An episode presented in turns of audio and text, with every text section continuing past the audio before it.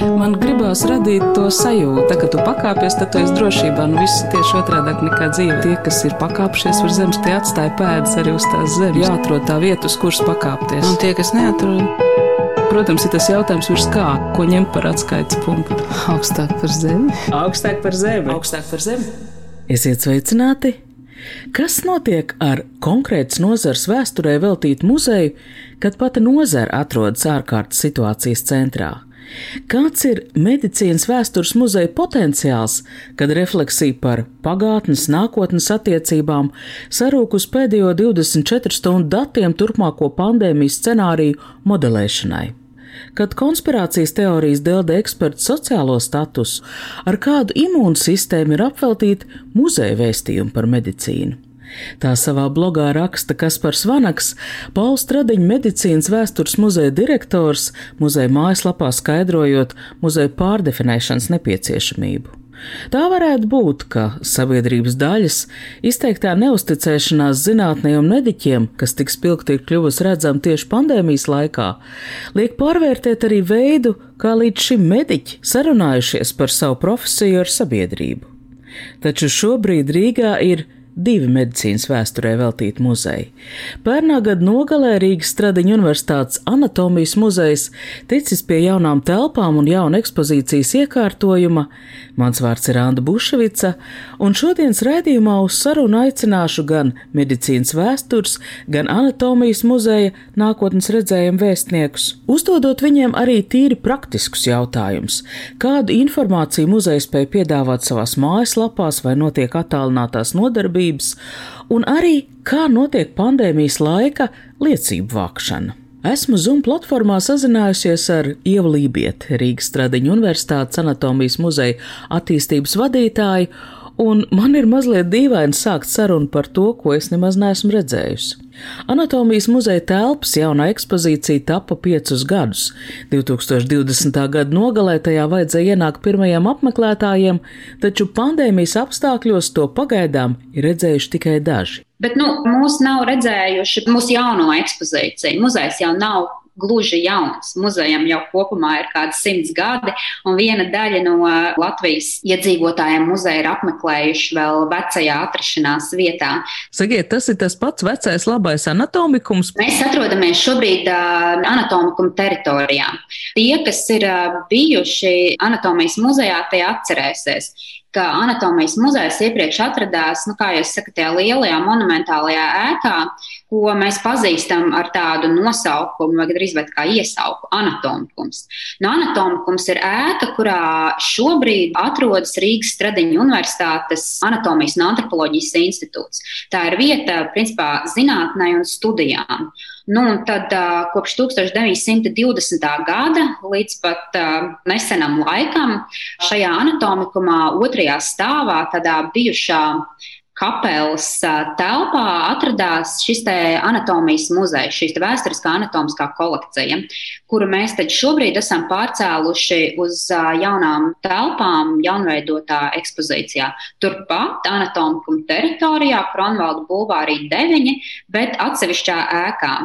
Jo vēsturiski anatomikums nav būvēts kā anatomikums. Tur nav paredzēts mācīties anatomiju. Tas ir bijis 19. gadsimta otrā pusē celts Rīgas pareizticīgo semināram.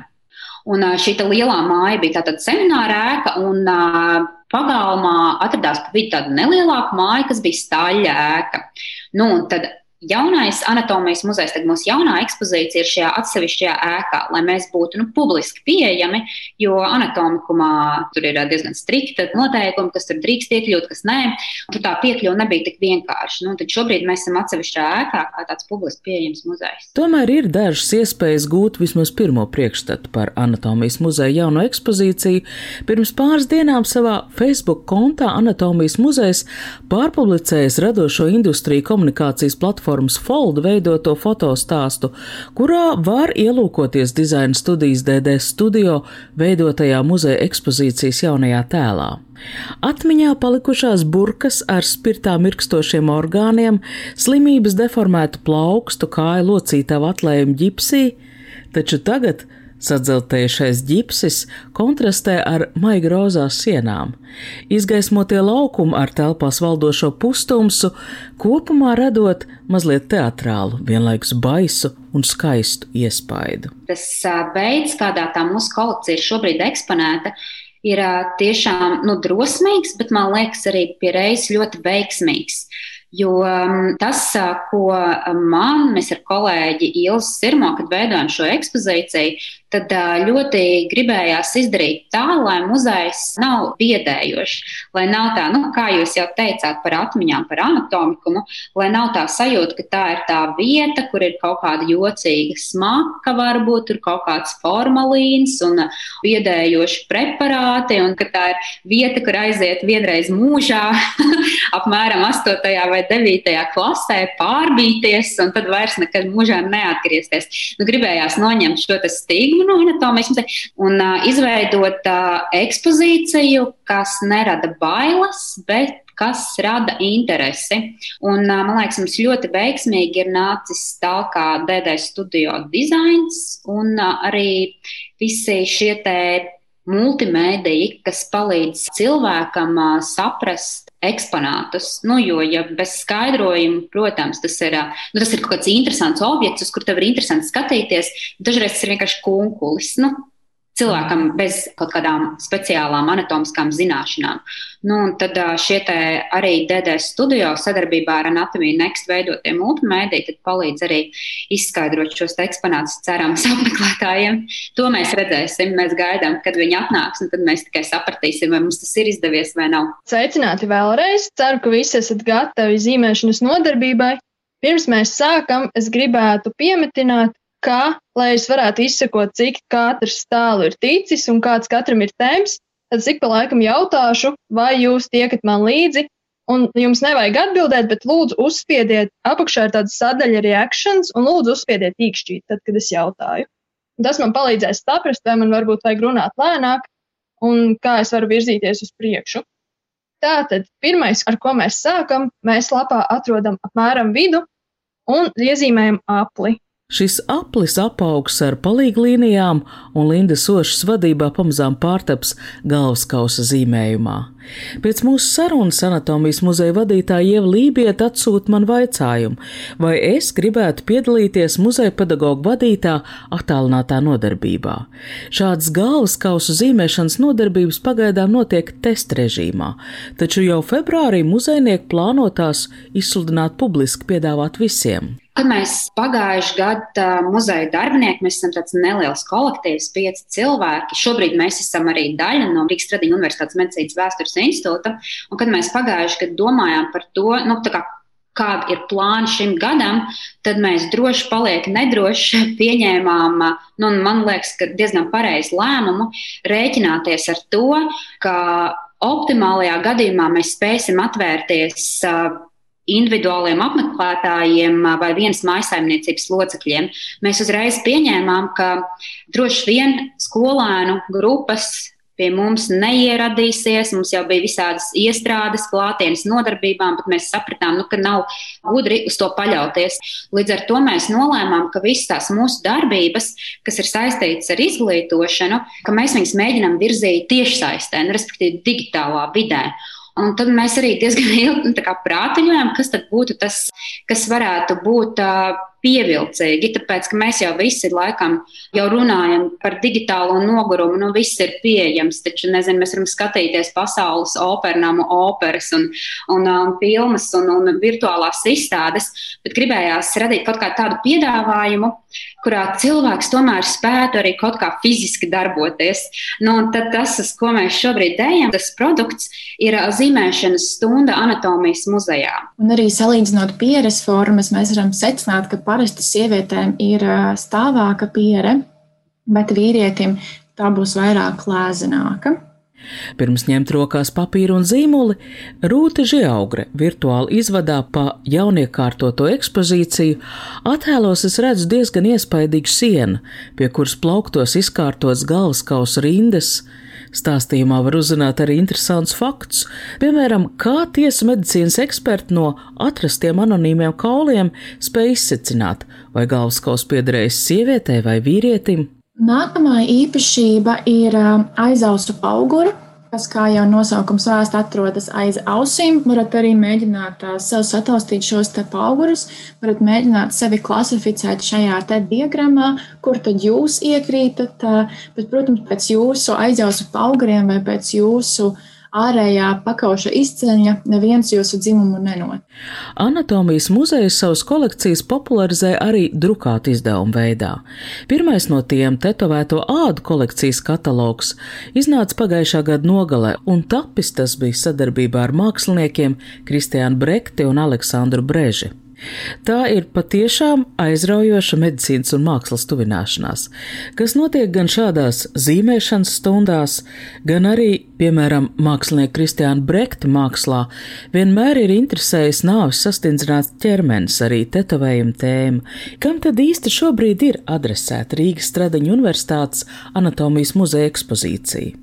No vienas puses, tas jau kopš 1920. gada, kad zviedru anatoms un antropologs Gastons Bakmans savu medicīnas studentu vajadzībām sev līdz no Upsals atveda ap 4000 vienību lielu histoloģijas un anatomijas preparātu kolekciju, ir kalpojis medicīnas mācību vajadzībām. No otras, 1987. gadā Anatomijas muzejs kļuva par Paula Stradiņa medicīnas vēstures muzeja filiāli un daļu no Nacionālā muzeja kopkrājuma, atzīmējot tā kultūrvēturisko nozīmi. Līdz ar atgriešanos jaunā veidolā Anatomijas muzejs ir atgriezies arī vēsturiskās kolekcijas mantinieces Rīgas Stradiņa universitātes paspārnē. Anatomikums, kurā atrodas Anatomijas un antropoloģijas institūts, arī Anatomijas muzejs ir Rīgas Stradiņa universitātes struktūra vienība, kas nozīmē, ka šajā Anatomijas muzejā notiek arī mācību process. Man šķiet, ka Anatomijas muzeja krājums, kolekcija un ekspozīcija, ka viņa ir izmantota izmantojama arī ne tikai anatomijas un teiksim, medicīnas bloka studijās, bet tie stāsti ir pat ārpus medicīnas. Tā kā es domāju, ka mums ir liels potenciāls veidot dažādu veidu sadarbības arī ar uh, citiem kolēģiem no Rīgas Stradiņa universitātes, ar pētniekiem, jo gal galā mums ir milzīga antropoloģiskā kolekcija. Mums ir uh, dažādas iedzimto anomāliju kolekcijas, kas stāsta arī vēl personiskus kaut kādus stāstus. Tas viss ir uh, pētāms un attīstāms, un es domāju, ka mums ir ļoti liels potenciāls, jo gluži tāpat kā mēs pieminējām tetovēto ādu katalogu. Mēs šobrīd arī Kultūra Kapitāla fondam iesniedzām nākamo katalogu, ko mēs iesniedzam par savu atkal tā saucamo hermafrodītu kolekciju, starpdzimumu kolekciju. Un tādā ziņā ir ļoti forši, ka mēs atrodamies Rīgas Stradiņa universitātē, jo tad mēs varam palūgt kolēģi no Medicīnas vēstures institūta uzrakstīt par starpdzimumu, jeb hermafrodītiem 20. gadsimta pirmajā pusē, par laiku, kad ir tapusi mūsu kolekcija. Mēs varam palūgt kolēģis no antropoloģijas nozares, atkal dot kaut kādu antropoloģisku skatījumu, kopā mums savāc tāds ļoti starpdisciplinārs skatījums uz it kā tādu nu, medicīnisku tēmu. Ieva Lībiet izgaisina vēl vienu manu iedomu. Man likās, ka, ja reiz muzejs ir tik tuvu pašam ārstniecības procesam, tad tā kolekcijai vajadzētu visu laiku papildināties. Nē, tā nu gan nebūs. Mūsu kolekcija ir tiksim, tā izolēta laikā. Viņa ir tapusi 20. gadsimta 20. un 30. gados, pārsvarā nu, 99%. Varbūt vēl kāda daļa no kolekcijas ir nākusi klāt padomju laikos. Jo 20. gadsimta 20. un 30. gados bija šis likums, ja cilvēks nomirst, ja viņu neviens nevēlas apbedīt, tad viņš tiek nogādāts anatomikumā, sekcijām, nu, studentu apmācības procesam. Un tad, ja šajā procesā atradās kaut kas tāds nu, anatomiski ilustratīvs vai eh, kāda neparasta patoloģija vai variācija, to tad varēja, šis būs muzeja eksemplārs, ielikt burkā, nofiksēt un, un tad aiznest uz muzeju. Līdzīgi vēl bija arī padomju laikos, bet jau no 90. gadiem ir spēkā likums par mirušu cilvēka ķermeņa aizsardzību. Bet principā tas ir iespējams. Nu, ir nepieciešams precedents, ja mēs vēlētos uzsākt kaut kādu turpināt kolekcionēšanu, nu, tas ir iespējams. Ir uh, muzeji Amerikā, Lielbritānijā, kas vēl aizvien savas kolekcijas papildina. Nu, ne tikai no mirušiem cilvēkiem, nu, piemēram, no dzīviem. Ja kādam tiek izoperēts, es nezinu, piemēram, žultspūslis, un ja tas cilvēks vēlētos, lai viņa žultspūslis glabājas anatomijas muzejā, tad noteikti ir iespējams izstrādāt legālu veidu, kā mēs to varētu izdarīt, bet tāds precedents vēl nav bijis. Kura no Latvijas atmiņas institūcijām šobrīd uzņems būt līderi pārliecībā, ka tiks savāktas spilgtas vēstures liecības par pandēmijas laiku? Šī ir viena no šodienas raidījuma iecerētajām tēmām. Es it kā zinu, ka pandēmijas stāstus dienas grāmatas vāc latviešu folkloras krātū, kaut ko dara arī Nacionālais vēstures muzejs. Kāda šai kartē ir Paula Stradiņa medicīnas vēstures muzeja vieta? Aktuāla informācija par muzejā notiekošo vislabāk gan gūt no medicīnas vēstures muzeja Facebook konta, un pēdējās dienās tur publicētajās fotografijās redzams, ka muzejā iekārtots tāds kā filmēšanas paviljons. Kas tur īsti notiek? jautāja saviem sarunbiedriem, muzeja direktoram Kasparam Vanagam un vietniecei attīstības darbā Inetai Zelčai Sīmansonai. Mūsu kolēģi Vineta jau pirms kāda laika ir uzsākusi projektu cilvēku stāsti, kad krājuma priekšmets meklē savu cilvēku stāstu. Muzejā izlēmām, ka mēs muzejnieki izstāstīsim savu stāstu par priekšmetu Un tad ar savu stāstu vērsīsimies pie cilvēkiem un prasīsim viņu stāstu. Un eh, tie stāsti ir tādi nedaudz provocējuši, nedaudz atmiņas raisoši, kad mēs sakam, nu, ko jūs atceraties par padomu laiku slirci, piemēram, vai prezervatīviem vai protēzēm. Tās protēzes var būt dažādas. Tās protēzes var būt zobu protēzes un dažādas citādas protēzes. Kas par var izstāstīt eh, par savu stāstu par protēzēm? Jā, tas tur ir stāsts par profesoru Viktoru Kalnbēru savulaik patentētajām dzimumlocekļu iekšējām protēzēm saistībā ar smagiem erekcijas traucējumiem pacientiem. Bet, zināmā mērā, viens no iemesliem, kādēļ mēs šos cilvēku stāstus mēģinām tagad ievākt, ir tas, ka lielā mērā medicīnas vēstures muzejā vēsture tiek rakstīta no ārstu perspektīvas. Runājot par medicīnas sociālo vēsturi, kas arvien skaļāk sev ir pieteikusi jau kopš 70. gadiem, ir tā teorija par vēstures rakstīšanu no apakšas. Šiem jebkurām vēstures stāstām ir divas puses - ārsta puse un pacienta puse, un to mēs noteikti arī šajā pandēmijas laikā ļoti labi redzam ka ekspertu viedoklis vai kompetences arvien vairāk tiek apšaubītas, un, protams, ir nepieciešams šis dialogs, vai nevar būt vienvirziena informācijas nodošana. Un šie cilvēki stāsti krājumā, viņi uzsāk šo divvirziena kustību vēstures rakstīšanā, un otra lieta, ka muzeja pētniecība, protams, primāri ir saistīta ar to, kas krājumā jau ir,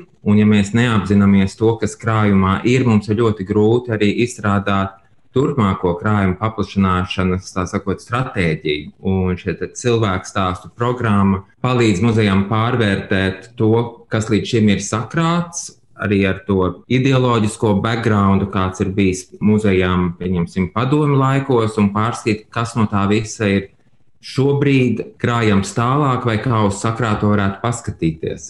Mūsu sarunā ir arī trešā dalībniece, muzeja līdzstrādniece zinātniski pētnieciskajā un ekspozīciju darbā Inga Vigdorčika.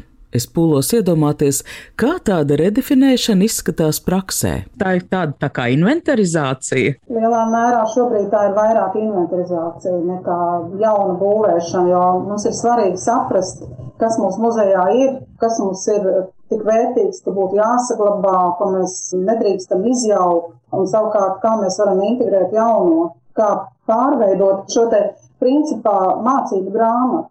Jo muzejs ļoti ilgu laiku ir pastāvējis kā medicīnas institūta studentu medicīnas vēstures apmācības tāds kā, nu, varētu teikt, salokāmā grāmata, ja, kur viņi nāk uz eh, lekcijām, eh, klausās un ļoti lielā mērā dominē šis lineārās vēstures izklāsts. Doma ir tāda, ka arī pašu ekspozīciju vajadzētu tomēr veidot kā tādu sabiedrības domas rosinošu vietu.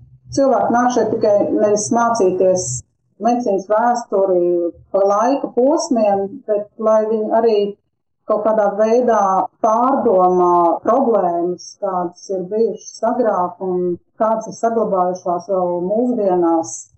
Vai pārskatot krājumu, jums jau ir radušās kaut kādas idejas, jaunas tēmas? Droši vien ir, manuprāt, ļoti svarīgas mūsdienai aktuāls tēmas, kas ir varbūt izkaisītas vai nav tieši atspoguļots ir par vakcīnām.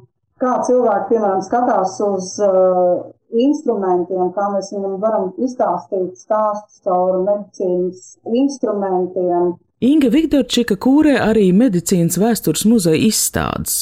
Pauls Stradiņa medicīnas vēstures muzeja mājaslapā nu jau kādu laiku ir izsludināta mākslinieku Katrīnas Neiburgas un Jāņa Novika izstāde pirmā izstāde jaunajā rezidenču programmā. Uzsākot šo darbu, tādas muzeja revitalizācijas, mēs sapratām, ka mēs to nevaram veikt vieni paši, ka mums gribētos izveidot muzejā tādu kā rezidenču programmu, kurā mēs aicinām līdzdarboties un sniegt savu redzējumu par to muzeja potenciālu vai esošo stāvokli cilvēkiem ar um, citām kompetencēm, ar citām dzīves pieredzēm pieredzēm, ar citiem akadēmiskiem instrumentiem vai radošiem instrumentiem. Un te es domāju ne tikai, piemēram, māksliniekus vai mediķus vai antropologus, bet tikpat labi, kā muzeju redz cilvēks no tā redzes punkta, kuru nosaka, pieņemsim, atrašanās ratiņkrēslā, ja, vai, vai esot ar kustību traucējumiem vai tam līdzīgi, kas veselības nozares muzejiem ir ārkārtīgi būtisks. Un tad redzot, ka muzeja kolēģi jau strādā ar māksliniekiem. Mēs nolēmām ar viņiem startēt šo muzeja sakot, rezidenču un izpētes programmu. Mēs viņu nosaucām par muzeja asinsaina, kurā mēs aicinām, ka reize cilvēks no malas veidot kādu stāstījumu vai mākslas darbu priekšmeta etiķeti uzrakstīt vai ieiet krājumā un paskatīties, ko viņi tur atrod no savas perspektīvas. Dienu pēc mūsu sarunas Medicīnas vēstures muzeja Facebook kontā tiek publicēta ziņa, ka šobrīd arī par muzeja pirmo rezidentu pieredzi muzeja krājumā tiek gatavots video stāsts, tāpat tiek domāts, kā tapušos darbus padarīt pieejams attālināti. Katrīna Neiburga konstatēja to, ka būtībā visa medicīnas vēsture ir uh, attēlota caur portretiem, ļoti konservatīvi, caur eļļas gleznām, zelta rāmjos, un tajās pārsvarā visās ir bārdaini vīrieši, vispār izpaliek sieviešu klātbūtne medicīnas vēsturē. Viņš šo portretējumu papildina ar video esejām, par ārstiem un ārstēm, vai pētniekiem un pētniecēm, kuri nav tādi standarta portreti vai parādas portreti. Tie ir zinātnieki, zinātnieces, kas riskē, kuri ir avantūristi, kuri ir gatavi zinātnes vārdā, tā sakot, atļauties lietas, kas varbūt nav sociāli tik pieņemamas. Un savukārt Jānis Noviks izrādīja interesi par skaņas lomu medicīnas tehnoloģijās. Sāksim piemēram, ar stetoskopu, ja, kas ir tāds klasiskais ģimenes ārsta simbols, vienmēr pārmest pāri kaklam. Vai mēs beidzam ar rūtu sonogrāfiju, pieņemsim, kura mums ļauj redzēt mazuli vēl mātes miesās, ja, kas būtībā arī ir uz skaņu bāzēta. Un tad viņš kā skaņu mākslinieks ir uzbūvējis augšā skaņu instalāciju izstāžu zālē, kurā var redzēt, ka reizes stetoskopu kolekcija, kas ir muzejām, Un kā izējai materiāli ir izmantojis padomu medicīnas encyklopēdijas 50. un 60. gadu otro izdevumu, kurš bija papildināts arī ar skaņu platēm, kur var dzirdēt sirdsklauves un krūšu šņākuļošanu un tam līdzīgas skaņas. No tām ir izveidojis skaņu mākslas darbu, kas muzejā ienesot pacientu balsi. Gada beigās medicīnas vēstures muzejā plānot ar muzeja vēsturi saistīta izstāde. Muzejs nes Paula Stradiņu vārdu un pamatot, jo faktiski tas ir tapis uz izcilā ārsta privāta vāktās kolekcijas pamatiem. Pats sākums tomēr bija otrajā slimnīcā, kur viņš veidoja šo muzeju, lai paaugstinātu topošo ārstu inteliģences līmeni. Un, ja mēs arī zinām to leģendu, ka viņš pirmos ārstu portretus izliku uz sienas tajā vietā, kur studenti savus izsmēķus nobeidzināja. Ja, tad tiešām muzejs bija tāds inteliģents līmenis celšanas projekts. Un arī, protams, ar tālāk ejošiem sapņiem. Daudzas no muzeja ekspozīcijas sadaļām ir kļuvušas par būtībā piemēru mediju vēsturei. Respektīvi, vai tās būtu Pauls Stradiņa vēl veidotās diorāmas vai viduslaiku pilsēta, Viņas ir ārkārtīgi naivas, sirsnīgas lietas, kuras vairāku pauģu garumā ir kļuvušas par tādu atmiņu stūrakmeni par šī muzeja apmeklējumu, bet būtu naivi viņas izmantot tieši tiem pašiem nolūkiem, kuriem viņas bija radītas. Restīvi, viņas šobrīd jau stāsta par kaut ko citu, par muzeoloģijas metodēm 50. un 60. gados, un tādā gadījumā mums ir jāsaprot, kā viņas prezentēt muzejā, jā, lai viņas vairāk stāstītu par to, kā mainoties mūsu priekšstatiem par slimībām vai ārstēšanas metodēm, mainās arī mūsu priekšstats vispār par veselību. Un, ja mainās priekšstats par veselību, kā mainās medicīnas muzeja, un šie priekšmeti tādā gadījumā arī rāda šo sabiedrības izmaiņu procesus. Loģiski, jebkura vecā māma būs pilnīgi pārliecināta, ka zīdaiņu barošanas metodas ir pilnīgi un kardināli nepareizas jaunajai paudzei. Ja? Mēs to varam arī parādīt muzejā, ka šīs audzināšanas metodas savulaik bija visnotaļ citādākas nekā tagad. Un ka mēs jebkurā momentā arī šī brīža jaunievedumus noteikti pēc desmit gadiem varēsim aplūkot ar tādu patīkamu, sirsnīgu um, cilvēcisku apziņu, ka viss, viss aiziet. Kam īsti Pauls Stradiņš veidoja savu kolekciju? Lai audzinātu jaunos ārstus, ienestu raidījumā jau pieminētos ārstu parādus portretus studentu pīpētavās, tā piešķirot profesionālā lepnuma stāju sadzīviskai vienkāršībai. Vai tomēr Paula Stradiņa sapņi par muzeja attīstību tiecās uz nākotni un ietvēra visu sabiedrību kopumā? Pauls Stradiņš mūžībā aizgāja 1957. gadā. Muzeja veidošanas ieceru pabeidza jau pavisam citi cilvēki. Tad, kad muzejs tika atklāts jaunajā ēkā 61. gadā, tieši 60 gadus atpakaļ, viņš jau bija ubermoderns. Ja mēs tā iedomājamies, ka 61. gadā orbītā planētu Zemē lidoja gan Sunīs Černuška, kas, pieņemsim, ir muzeja ekspozīcijā, liela krājuma kolekcija ir veltīta tieši kosmosa medicīnai, ja 60. gadu, gan ģeopolitisko izmaiņu, gan ekonomisko izmaiņu dēļ muzejs rindai aspektu zinātnes vairs nav spējīgs sekot līdzi. Un mēs labprāt gribētu, ka muzeja šo Uber moderno uzstādījumu, kāds viņam bija 60. gados, varētu atkal atgūt Un lielā mērā tas ir jautājums par to, vai mēs vēlamies kļūt atkal par startautiski nozīmīgu muzeju, kāds tas bija 60. un 70. gados, vai tas paliek vietējās lietošanas instruments. Vai pandēmijas līdz šim nebijusī pieredze iedvesmo arī Paula Stradiņa medicīnas vēstures muzeju, veidot kolekcijas ar jo īpaši slimnīcās notiekošā liecībām, par tēmām, kurās diez vai spēs iedziļināties citas atmiņas institūcijas. Pašlaik mūsu kolekcijā ir maskas, informatīvie materiāli par pandēmiju, kas ir no Rīgas domes, no dažādiem transporta līdzekļiem, kas ir izvietoti transporta līdzekļos. Bet nu, jāatzīmē, ka mēs dokumentējam, bet mēs varētu būt arī aktīvāki šajā pandēmijas liecību dokumentēšanā. Mēs esam uzsākuši sarunas ar vairākiem fotogrāfiem, kuri ir ikdienā gājuši pa Rīgu vai citām pilsētām un dokumentējuši slimnīcas, veikalus, ielas. Nu, kā šī pandēmija vienkārši ietekmē mūsu kā sabiedrību, kā mēs izturamies, kā mainās mūsu paradumi.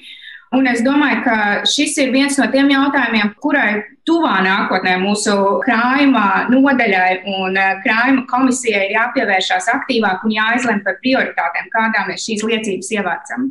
Divi veci, jauni muzeji. Rīgas Stradiņa Universitātes anatomijas muzejs, šajā rēdījumā to pārstāvēja Ieva Lībiete, un Paula Stradiņa medicīnas vēstures muzejs dzirdējāt Kasparu Vanagu, Inetu Zelču Sīmansonu un Ingu Vigdorčiku. Bet ar jums sarunājās Anna Buševica. Par šī raidījuma skaņu gādāja Valdis Raitums.